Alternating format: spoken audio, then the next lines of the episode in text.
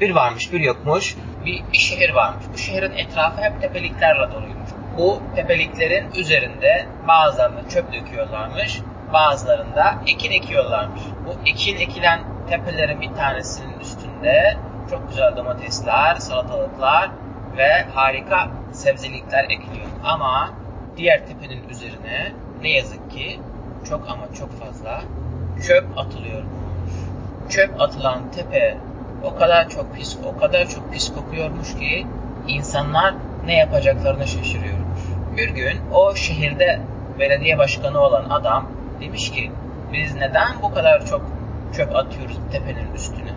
Biz bu çöpleri hepsini kullanırsak içerisinden belki enerji bile, elektrik bile üretebiliriz.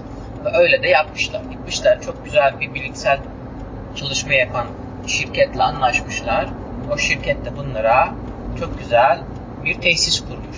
Kurdukları bu tesisin vasıtasıyla şehirdeki bütün çöpleri enerji üretmek için kullanabiliyorlarmış.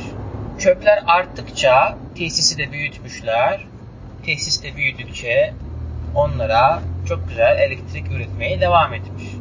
Böylece o çöp tepesi artık normal bir tepe haline gelmiş. Sonra demişler ki biz bu eskiden çöp tepesi olan yeri gelin temizleyelim. Ondan sonra diğer tepeler gibi oraya sebze meyve ekelim diye.